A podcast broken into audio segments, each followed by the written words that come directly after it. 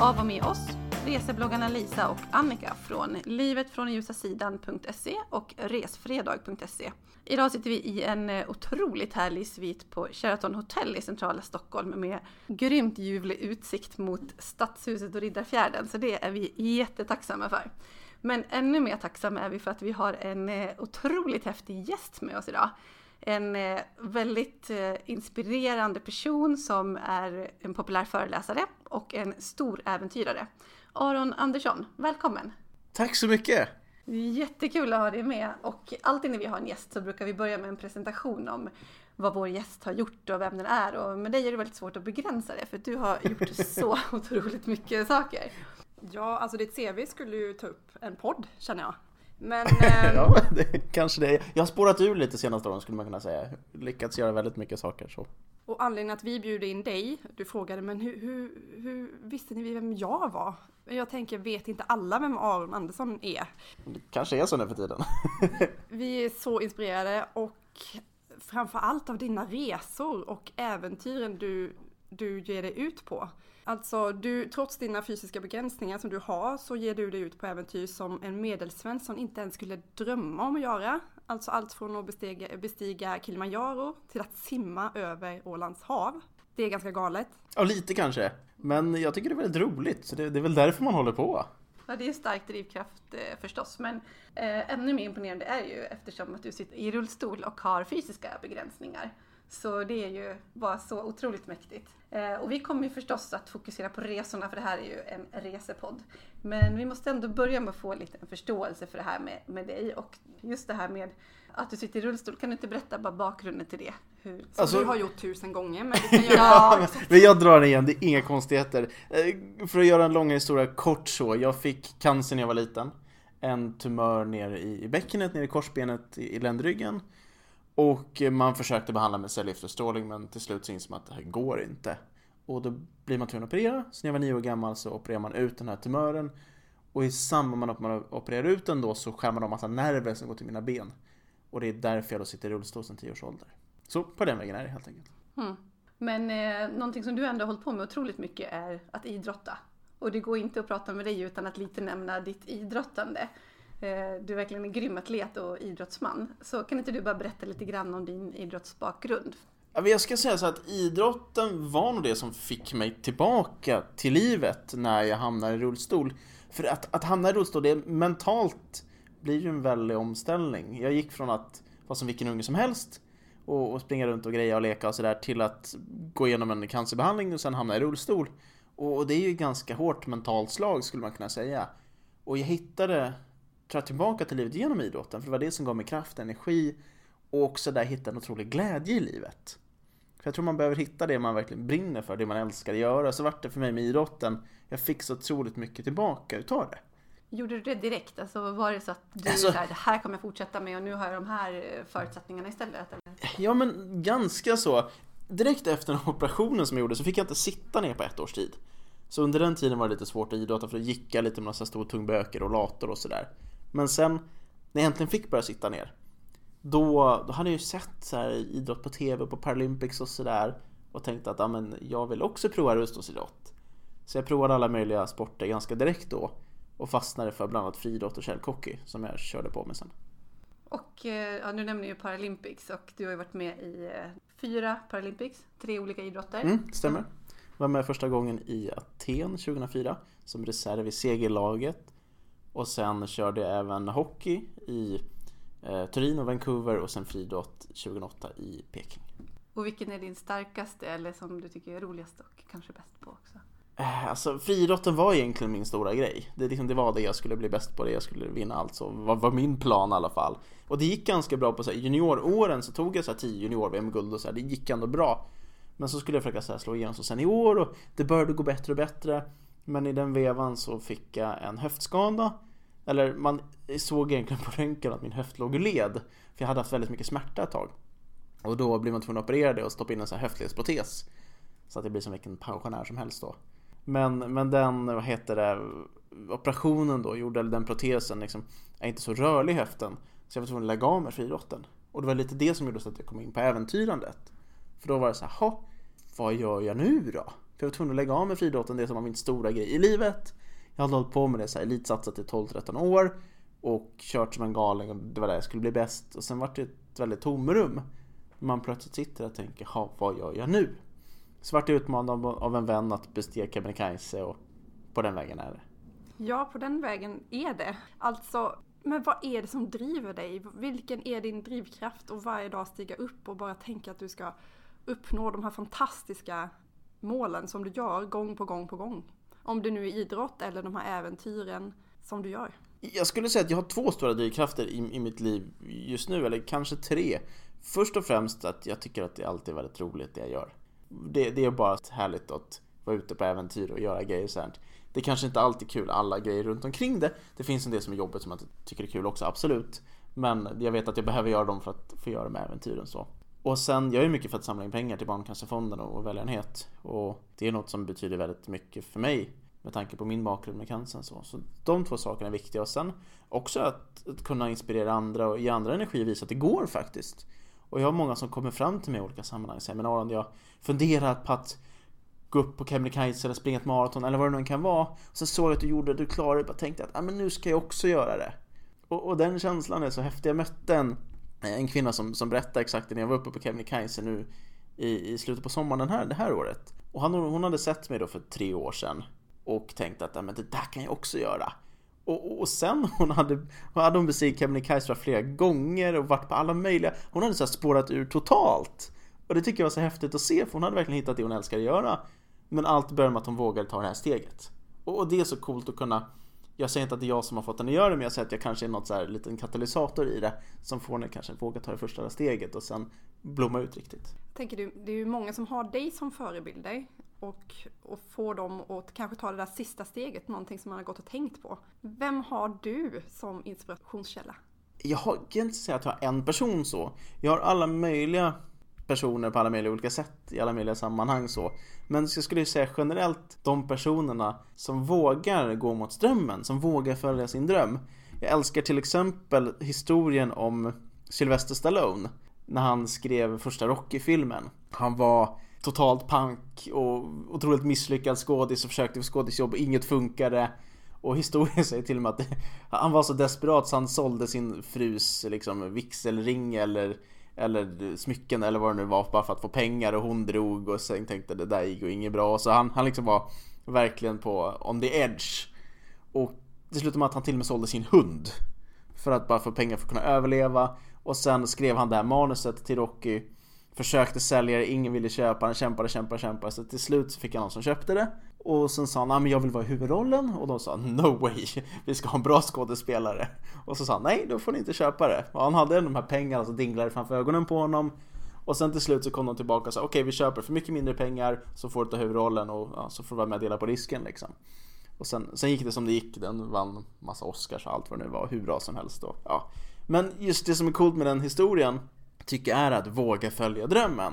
Att våga köra även att allt är emot en och inget går i livet och man säljer hunden och att man känner sig som världens mest misslyckade människa men ändå våga tro på drömmen. Sådana människor inspirerar mig.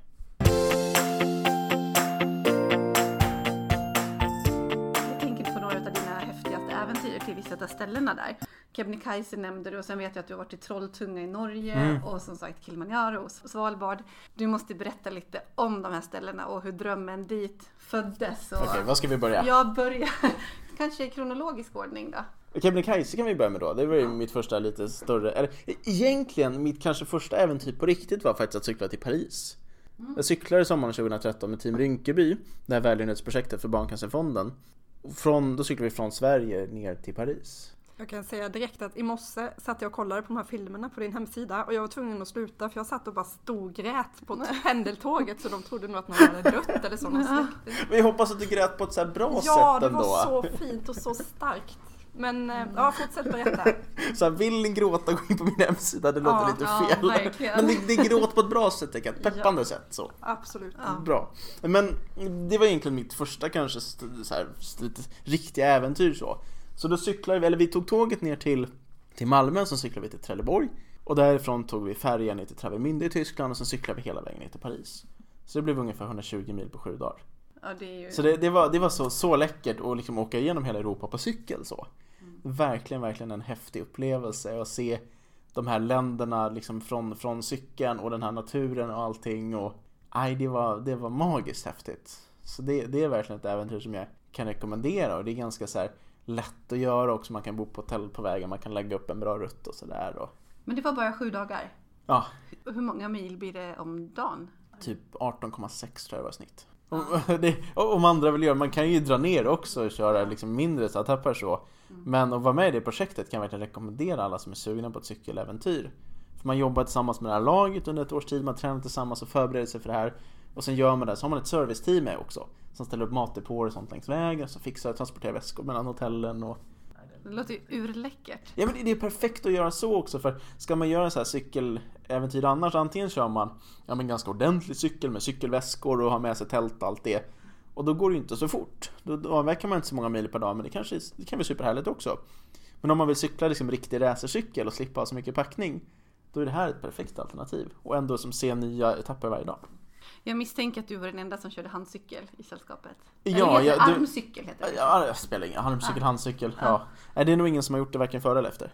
Efter det här Paris-äventyret så var det någonting som hände med dig. Vad hände då? Liksom vad, vad var det som fick dig att göra nästa utmaning och hur kom du på tanken till nästa grej? Alltså Kebnekaise var ju det som kom efter där, och om man ska titta rent kronologiskt. Och Kebnekaise-utmaningen hade egentligen startat redan innan jag cyklade till Paris. För det, det startade nog liksom, de tankarna började gro under våren där. Så blev jag utmanad av min kompis Johan, han sa men ska vi inte göra det här? Och jag tänkte det går inte, det är omöjligt, det är ingen som har gjort det i rullstol innan, hur ska vi kunna klara av det? Men till slut så tänkte vi ändå att vi måste våga försöka. Vad är det värsta som ska hända? Alltså rent krasst. Om man tittar så här, worst case scenario. Man kan ramla någonstans och man kan bryta någonting. Alltså, visst det är inget kul men det är inte hela världen. Om man jämför det med att känslan att kanske lyckas ta sig upp till toppen. Ja, och det är ju en sån här risk som man tar med precis allt hela tiden. Ja, det är farligt att köra bil på E4 liksom. Ja, exakt. Rent krasst. Så kan man inte låta livet hindra sig, tänker, tänker jag. Eller låta sig hindras av sådana Nej men tankar. det var precis så vi tänkte också. Det, vi, vi kör liksom, vi testar. Och sen gick det väldigt bra. Kom upp där på toppen på Sverige och klarade av det. Och, och, och sen vart det liksom världens grej av det där i media. Det vart ju så jättestort överallt. Och, och det vart väl på något sätt ett startskott för min äventyrarkarriär. För där började jag fatta att det, det här kanske man kan göra någonting av. För jag tyckte först att det var väldigt roligt och väldigt häftigt och så här gav mig väldigt mycket tillbaka. Och sen insåg jag att jag kan få media på det, kanske kan få lite sponsorer, kanske kan föreläsa lite, liksom bygga hela den grejen också.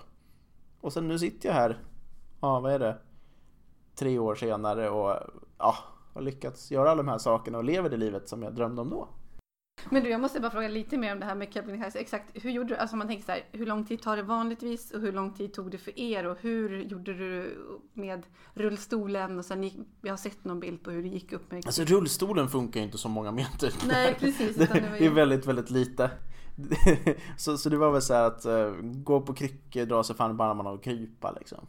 Det, det var som när vi var nere på Kilimanjaro och kom ner från berget så skrev lokaltidningen om, om, om min bestigning så. Och så skrev de He crawled to the top like a snake. så så, så li, lite, lite så liksom. Man får ju använda alla möjliga medel för att bara ta sig upp. Och på vägen upp, var det hela tiden självklart med målet att jag ska upp till toppen? Eller var det så här, kämpade du mot dina egna mentala demoner? Ja, tiden? nej, verkligen inte självklart med, med målet hela vägen. Vi ha, toppen var ju målet, det var dit vi skulle. Och sen så var det ju så här att man börjar tvivla. Efter att ha hållit på i 3-4 timmar, man känner man är helt slut. Och, och man vet någonstans att det är kanske 10-12 timmar kvar till toppen. Hur ska jag fixa det här? Och när de tankarna började komma så blev jag tvungen att släppa fokus på toppen. Och så jag skippade, så jag såg till att hitta en sten ungefär 100 meter längre fram. Och sa till mig själv att jag ska bara ta mig till den där stenen, jag ska bara dit. Och sen får jag lägga mig ner och vila. Så, så det vart ja, men lite sådana etapper. Så att ta sig dit, vila, ta sig dit, vila, ta sig dit, vila. Och sen till slut så satt man uppe på toppen. Till slut, hur lång tid senare? Eh, Det tog ungefär 18 timmar upp och sen 10 timmar ner. Så f- för att ge lite perspektiv så här, inom situationstecken en normal person då eh, tar väl ungefär så här 10-12 timmar på sig upp och ner. Så för oss tog det 28 timmar totalt. Så det var, så det var tufft och slitigt. mäktig upplevelse alltså. Och inspirerande. Och vi gick i västra leden också om det är någon som så här, är intresserad av faktan. Så. Och sen då? Efter Kebnekaise? Efter det varit lite så här, vad, vad ska man nu för häftigt då? Och så fick jag upp, upp tankarna på att, på att köra en klassiker. Så, så klassikern vart ett av mina så större projekt 2000, 2014. Så då körde vi, ja men Vasaloppet, Vätternrundan, liksom körde den ordningen. Och, och stora utmaningen där var väl egentligen simningen. För jag har aldrig varit någon, någon simmare, jag har aldrig ens gillat vatten och haft nästan svårt att bada utan cyklop. För jag har alltid velat ha cyklop med för att känna mig trygg så i vatten. För att annars har jag bara fått in vatten i näsan och varit kaos. Men däremot så insåg jag inför, inför Vansbro simning att ska jag fixa det här målet som jag satt upp mig själv. För målet var att klara en klassiker på under 24 timmar som första person i rullstol och samla in 240 000 till Barncancerfonden. Och skulle jag klara den tidsgränsen då så förstod jag att jag måste verkligen lära mig kråla. För jag hade varit på, på liksom badhuset ibland och legat där och kört bröstsim med huvudet upp. Och jag blev bara varvad av de här isbrytarna där inne. Ja, ni vet de här stora bastanta damerna med permanentat hår. Ja. Som bara kör så. De ägde mig totalt. Så jag förstod att ska jag fixa det här så måste jag lära mig kråla. Så jag gör som alla män i min ålder gör liksom. Jag går till sportaffären och köper alla de coolaste grejerna. Så glider in i badhuset i mina nya Speedos där och tänker hur svårt kan det vara? Hoppar ner i bassängen, börjar veva på. Och det går jättebra i ungefär fem meter. Sen hänger jag över de här, så här röda linorna och hostar upp vad som känns som två liter vatten. Och, och, och så där höll det på.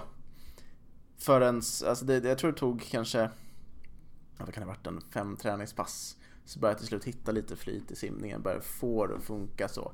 Och, och sen efter, ja, men någonstans efter tio träningspass så, så tror jag hade första träningspasset utan så här 100 kallsupar och kanske bara var 5-10 liksom. Och, och sen, ja, men sen till slut lärde jag mig att simma. Så det var den stora utmaningen i hela klassiken. Och just klara simmomentet. Och så klarade du det? Ja, men det gick till slut. Ja. Och, och, sen, och, sen, och sen, vad heter det, ja men det och eh, Lidingöloppet också. Så vi fixade klassikerna till slut. Så det har varit en så här, också en så här cool grej jag har gjort. Riktigt, riktigt nöjd när man rullar in där på Lidingö och inser man hade klarat det.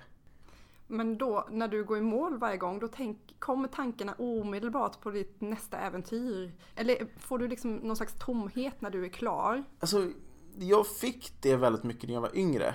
Alltså jag kommer ihåg när jag är 13 år gammal och jag går i mål på junior-EM nere i Schweiz och tar guld på 100 meter och det var mitt så stora mål. Jag vinner det där guldet och fixar det. Och samtidigt som jag korsar målen känner jag först den här euforiska känslan men sen också känslan som säger jaha, var det inte mer? That's it. Och, och, den känslan jagade mig sen under hela min idrottskarriär nästan. Jag försökte verkligen jaga, jaga den här lyckan genom att så, vinna större och bättre tävlingar, junior-VM allt vad det var. Och, och, till slut någonstans insåg jag att det kanske inte handlar om målet. Och försöka bli bättre på att både njuta av resan och njuta av framgångarna. För jag tror det är så lätt att, som ni säger, att bara hasta vidare till nästa mål. Att okej, okay, nu har jag gjort det här, men då ska jag göra det, då ska jag göra det, då ska jag göra det. För att man inte kan vara nöjd i stunden. Så jag försöker verkligen bli bättre på att påminna mig själv om att njuta av stunden också. Visst, det är fortfarande händer att, att, att man känner lite tomhet och man vill vidare till nästa, nästa, nästa. Men då försöker jag verkligen påminna mig själv om att men stanna upp och njut, det är, det är fantastiskt här också. Du behöver inte bestiga ett nytt berg eller göra något nytt för att få liksom nästa kick.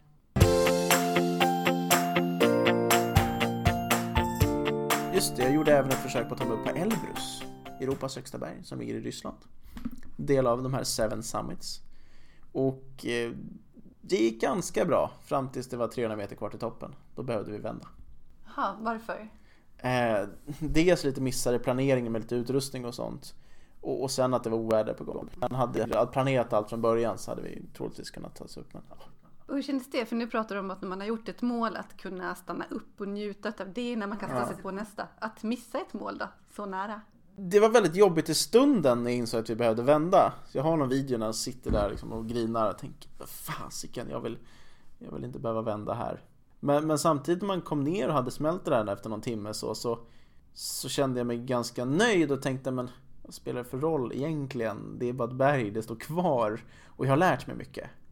Jag har lärt mig mycket men man inte ska göra nästa gång. Så jag, jag är så här i efterhand är jag väldigt tacksam för att vi inte kom upp. För jag har lärt mig väldigt, väldigt mycket av det äventyret. Så. så det var 2014? Ja, och sen gjorde vi Galdhöpiggen också 2014. Ja, slängde in lite. Ja, precis. På slutet av sommaren där och sen var det inget mer. Nej, det kanske inte var något mer sen. Nej, det sen var det nog ganska lugnt faktiskt. Ja. Kanske något litet, jo Lidingöloppet körde jag nog igen då också men det är, ja, det är små grejer. Ja, nu börjar vi kunna de där träningsutmaningarna. ja men precis, nu ska vi ta äventyrsutmaningen Ja, istället. och resemässigt. Och jag tänker Trolltunga i Norge. Ja, Det är ju så här otroligt eh, häftigt ställe. Jag har själv inte varit där. Jag har drömt om det många gånger och jag brukar lägga upp bilder ibland på den här. Det ser ut som en tunga som, eh, eller en Typ, eh, klippavsats som sticker ut över en fjord. I Norge är det en väldigt klassisk bild. Så för den som inte vet vad Trolltunga är så är det en jättehäftig plats. Det ligger väl eh, i Norges inland en bit ifrån Bergen. Man åker en bit in i inlandet och sen är det en ganska lång vandring att ta sig upp. Och du åkte dit för att ge dig upp där. Och vad var det du drömde om där? Ja, men jag hade sett den där bilden och tänkte att jag måste sitta där ute. Det, det kände jag bara när jag såg den. Och, och sen var det mycket så här planering för att man, man vill ju få till en bild också. Man vill ju inte komma upp dit och, och det är spöregn och så ser man två meter för det är ganska klassiskt väder i Norge annars. Det är ju ofta att det är dåligt väder där. Så jag och några kompisar bestämde oss att vi ska dit. Så satt vi och följde vädret på nätet och insåg att vi har liksom den här veckan på oss, alltså när vi kan åka, så måste vi hitta väderluckan. Så såg jag att nu börjar det komma ett fönster här. Så det var, det var så här sjukt dygn det där. Jag tror jag gjorde TV4 Nyhetsmorgon på morgonen. Så satte vi oss i bilen som är färdigpackad, körde 12 timmar till Odda i Norge där det ligger. Kom upp på parkeringen där rutten startade till Trolltunga, bytte om, vandrade upp hela vägen. Och det var, vi kom upp dit klockan ett på natten kanske. Så bytte om och sen började det gå så vi kom upp på tungan eh, runt lunch dagen efter. Men då kom vädret i alla fall, då var det perfekt sol. För vi gick upp när det var så här, det regnade det så snöblandat regn när vi gick upp. Så vi tänkte, vad har vi gett oss in på när väderprognosen stämmer inte? Och så kom vi upp och så spricker det upp och så får vi några magiska bilder och lite utsikt där uppe och sen får vi en jättehärlig dag tillbaka. Jag har sett den bilden på dig när du sitter ute på klippavsatsen och har rullstolen parkerad bakom dig, eller hur? Så den var med då hela vägen. Där behövde du inte klättra på samma sätt då, som en Alltså, snake. där gick inte att använda stolen som parameter heller. Det är mer att stolen är praktisk att ha med när man stannar i läger och lite sånt och kunna sitta och pausa och sånt. Och sen blir ju bilden coolare när den är med också tänker jag. Ja, det är den verkligen. gör en wheelie där ute liksom. Ja. Eh, Jag läste lite grann på din hemsida där om att du, du skrev där att under vandringen så påminns du gång på gång över dina fysiska begränsningar och att du var helt slut och hela din kropp skrek att du skulle ge upp. Men att du hade intalat dig själv att du ska slutföra det- det du har påbörjat. Så jag antar att känslan där uppe återigen var den här totalmäktiga... Ja, men det var så, så häftigt att komma ut där och få sitta där ute och dingla med benen när man var helt så här, förstörd också. För så det var inte optimalt schema direkt. Först hade man, ja men, eh, varit vaken och kört bil i så här 12 timmar. Så kommer du upp dit och börjar vandra på en gång. Så jag, jag var ju riktigt, riktigt slut. Men sen bara gick vi någon timme eller två tillbaka från tungan och sen, sen tältade vi på, på nervägen. Så det var ju skönt i alla fall att få en liten vila där. Men, nej, nej, riktigt häftigt. Men några tips för alla som är sugna på att åka dit. Se till att komma upp tidigt på dagen. För är det bra väder uppe, det kan vara 5-6 timmars kö för att få komma ut och ta en bild på tungan. För den har, den, så här, eh, så här Facebook, Instagram Times så har det blivit populärt att ta bilder där ute. För att alla vill ha Instagram eller Facebook-bilden liksom. Så, så, så det är knepet och börja gå jättetidigt på morgonen. Alltså, om, om jag var där så kanske jag skulle börja gå tre på morgonen. Eller så gå upp på kvällen, tälta nära tungan och sen vakna tidigt och ta fina bilder. Så. Om man nu vill slippa stå och köa 5-6 timmar för det känns ganska onödigt. Och det är inte så kul att komma upp dit heller och bara, nej det är 6 timmars kö, vi hinner inte gå ut. Måste gå hem ja. Exakt. Ja, men det, det är så här, har du varit på Troll? Nej, jag, jag har varit 20 meter från Trolltunga. Det känns inte lika kul, tänker jag. Nej, verkligen. Kilimanjaro gjorde vi i januari. Äh, så häftigt berg att gå upp på. Och det som tror jag är extra coolt med Kilimanjaro är att man går igenom alla klimatzoner. Det börjar att gå i djungel med apor till att komma upp lite mer så här, vad ska man kalla det? In- Inte så här stepplandskap men, men, men, lite, ja, men lite, lite gräs och lite träd och sånt. För att sen komma upp i nästan som en så här eh, stenöken så, eller så här lite månlandskap så. Och, och sen uppe på toppen är det snö. Så, så man går igenom alla de liksom, klimatzonerna, vilket är riktigt häftigt. Och sen är det ju ett ganska högt berg också. Om än ett, ett ett ganska säkert berg och otekniskt. Så att även om man inte har någon sån här klättererfarenhet direkt så kan man gå upp där och ändå få känna hur det känns med höjden. Vilket är häftigt så. Och med ditt funktionshinder upp genom snön och sådär? Hur funkar det? Alltså på Kilimanjaro gjorde jag så att jag hade en armcykel, en sån här terränggående mountainbike som jag körde en ganska bra bit och sen hade jag också så här, kryckor som jag gick med och när det är snö med kryckor så har jag, har jag som snöskor som jag sätter längst ner på kryckorna för att kunna gå i snön utan att sjunka ner. Så det, det funkar faktiskt ganska bra. Men tips om man ska titta på Kilimanjaro och så är att när man packar, packa allt i vattentäta påsar och så. För att det där och din packning blir blöt så är det väldigt, väldigt jobbigt. För det kan komma otroligt kraftfulla regn där. Och, och det är också som med packning, att du måste ha med allt från men i princip shorts första dagarna till en, en, en dunjacka uppe på toppen och rejäla handskar. Mm. Så det är som att tänka på hela, hela spektrat där. Mm. Tänk allmänt på att, på att resa med ett funktionshinder. Ja. Hur, hur är det? Vad, vad möter du för utmaningar där rent praktiskt? Alltså många tror det är så, tror jag, när man hamnar i rullstol från början. Att, ah, men hur gör man när man flyger med rullstol? Hur funkar det? Så här. Och, och flygplatserna, flyg och sånt, det är det enklaste som finns. De är jättevana med att man reser med rullstol. Man kommer hit och checkar in, tar med rullstolen till gaten och så tar de rullstolen vid gaten, lägger in den i planet, så sitter man i planet så kommer den upp på, på gaten när man landar. Så det brukar funka jättesmidigt. Det som kanske är lite mer struligt kan ju vara men, hotell till exempel och jag vet att jag kom till något hotell i Frankrike någon gång. Eller i Paris så hade vi kollat på, på nätet på, på hotels.com eller vad det var. Men finns det hiss? Ja det finns hiss. Men när vi ska åka upp den här hissen så visar att hissen den stannar på halvplan bara. Och vi bor på helplan. Och visst, för mig funkar det. Jag kan ta mig ur stolen, jag kan dra mig upp lite så jag bestiger ändå berg liksom. Det funkar. Men, men för, för någon som inte har samma förutsättningar som mig så blir det väldigt jobbigt. Så, så där är det så här, gäller att hitta bra sidor att boka på. Så nu kommer det faktiskt en, en ny sida som de har lanserat, blir större och större, som heter Handiscover. Där man kan gå in och, och, och kolla hotell och boenden och sånt som är anpassade. Som har väldigt bra filter på det. Så det, det är ett starkt tips. Det finns ett citat som jag, som jag hörde dig säga i ett av dina klipp. Ehm, och då säger du att det inte handlar om vad du har för förutsättningar, det handlar om vad du gör med dem. Och det är väl så många som, som finns där ute som drömmer om att till exempel resa, men de kommer inte riktigt iväg. Det är alltid någonting som ligger i vägen, det är någon arbetsgivare eller ja, någonting annat, någon familj som strular. Hur ska man tänka? Hur gör du för att, för att komma dit du drömmer om att komma? Jag brukar tänka lite så här att man löser problemen sen. Om man nu har bokat den där resan och, och, fixat allting så hittar man ju sätt att lösa de andra problemen. Om, om det nu liksom eh, någon arbetsgivare eller vad det är eller om det är någon hund som man måste få passning för eller vad det än är. Sånt här brukar lösa sig om man är tvungen att lösa det. Det är i alla fall så, så jag brukar lösa det och skulle absolut inte lösa sig då gör det väl inte det. Men ta första steget, våga boka resan eller våga göra den där grejen som man tänker på. Och sen, sen löser sig alltid till slut ändå. Eller i alla fall en 9 fall av 10. Mm.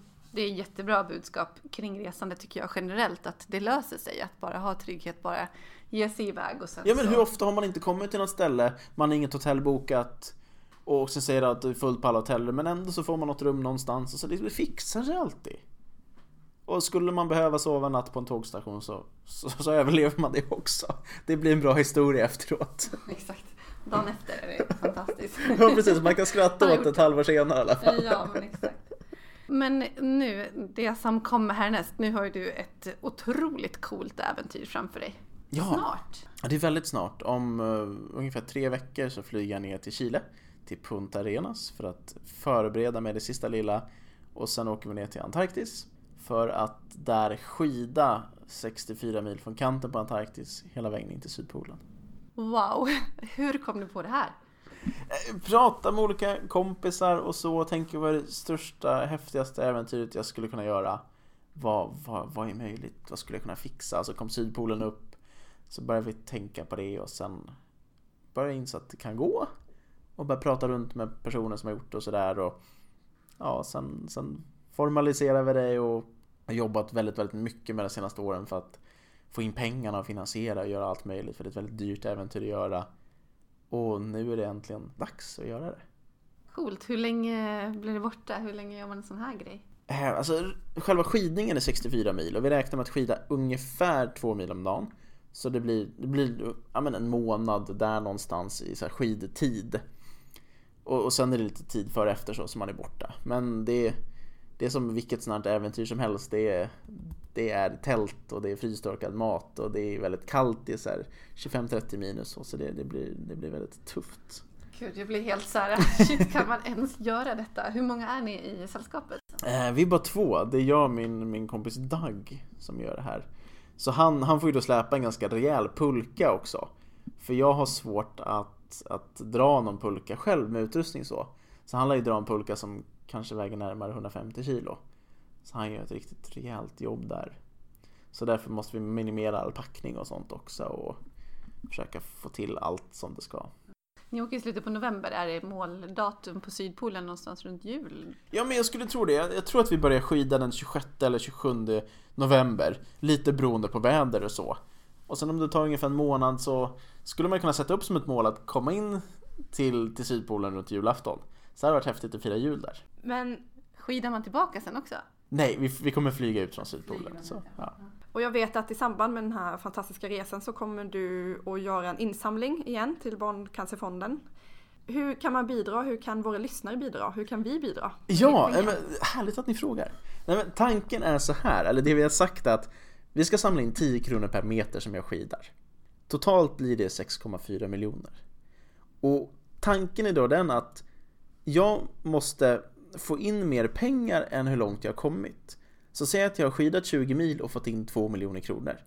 Får inte jag in mer pengar då, då får inte jag fortsätta skida. Så pengarna måste ligga före mig hela tiden. Och alla pengarna går ju då direkt till Barncancerfonden så jag får liksom inget att säga. Det är direkt till Barncancerfonden och pengarna måste leda över mig. Så det vi gör då är att vi försöker få in månadsgivare till Barncancerfonden, eller barnsupporter som de kallas. Och säger man att jag vill bli månadsgivare, jag vill skänka en hundring i månaden. Och det är liksom inget så här tidskrav på det heller. Man kan göra det en månad eller man kan göra det hundra. Man kan se upp det när som helst. Säger man att man vill bli det, då får jag skida 700 meter. Så då försöker vi få in en hel massa månadsgivare. Så det man kan göra om man vill bli månadsgivare är att man tar sin telefon, man skriver ett sms med, med mitt namn, man skriver Aron och så gör man ett mellanslag och så skriver man sitt personnummer. Och sen skickar man det till nummer 71440. Och genom att göra det då så skänker man en hundring i månaden. Och för att det ska funka så får man en länk tillbaka också man så här klickar och så fyller man i så. Så man kan göra det på företagstelefonen så det spelar liksom ingen roll. Det kopplar mot sitt personnummer istället. Så det tycker jag alla ska göra som vill vara med och utrota barncancer. Ja men verkligen. Det uppmanar vi alla lyssnare att göra på en gång. Gå in och följ Arons råd och smsa till Barncancerfonden på 71 440. Vi kommer lägga ut en länk också på vår podds hemsida. Lysande. Fantastiskt initiativ. Verkligen. Ja men tack. Och jag, jag vill verkligen att folk sätter in pengarna för jag vill inte bli kvar där nere. Jag tänker att det blir så himla kallt. Så snälla. Ja men verkligen. Nej men det, vi ska verkligen sprida ditt ord kring det på alla ställen vi bara kan. Nu skulle vi kunna sitta här och prata med dig hur länge som helst men du är en upptagen man, du har mycket på ditt schema. Vi får tyvärr lov att eh, tacka för de frågor vi har hunnit med och det vi har hunnit prata om. Det har varit superinspirerande att lyssna på dig. Ja men jättekul att snacka med er också. Tack så mycket. Ja. Vi hörs igen som vanligt om ett par veckor. Det gör vi. Hej då! Hej då!